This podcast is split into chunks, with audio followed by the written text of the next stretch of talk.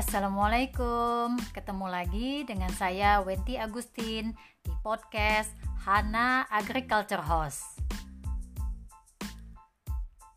Hai hai hai Sobat Hana semua. Tidak terasa sudah weekend lagi ya. Apa nih kegiatan Sobat Hana kalau lagi weekend?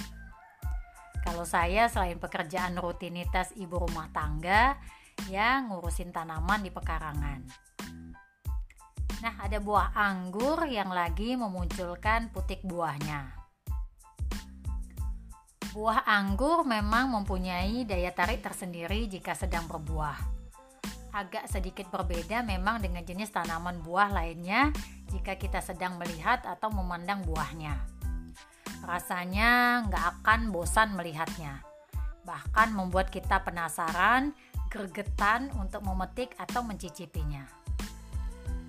Nah, kebetulan di Hana Agriculture House ada beberapa batang tanaman anggur jenis Red Isabella dan senangnya itu tidak berhenti berbuah.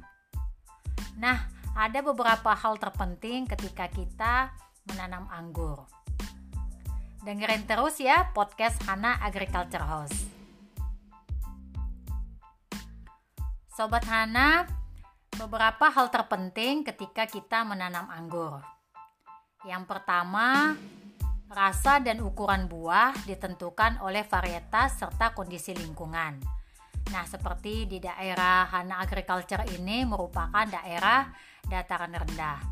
Dan e, sebanyak e, eh, 8 varietas yang pernah saya tanam di pekarangan rumah, maka hanya Red Isabel yang mampu e, untuk e, beradaptasi baik di tempat saya.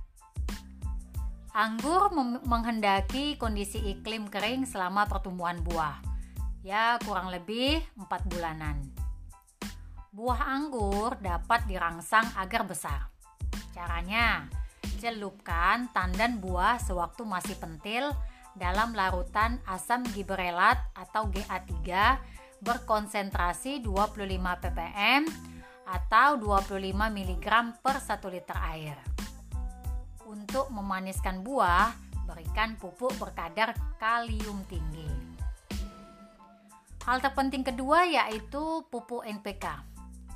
Pupuk NPK yang dianjurkan memiliki perbandingan 1 banding 2 banding 2 atau 1 banding 3, banding 2 banding 3. Dosisnya 200 kg urea, 400 kg SP36 dan 400 kg KCL per hektar per tahun.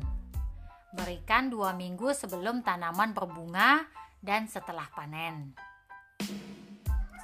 Hal terpenting lainnya yaitu perawatan.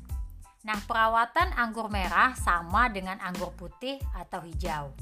Perbedaannya hanya pada cara pemangkasan cabang buah atau pangkas pendek, sedang, dan panjang.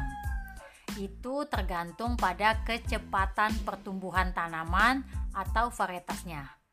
Makin cepat tumbuhnya, makin panjang bagian ujung cabang yang dipangkas.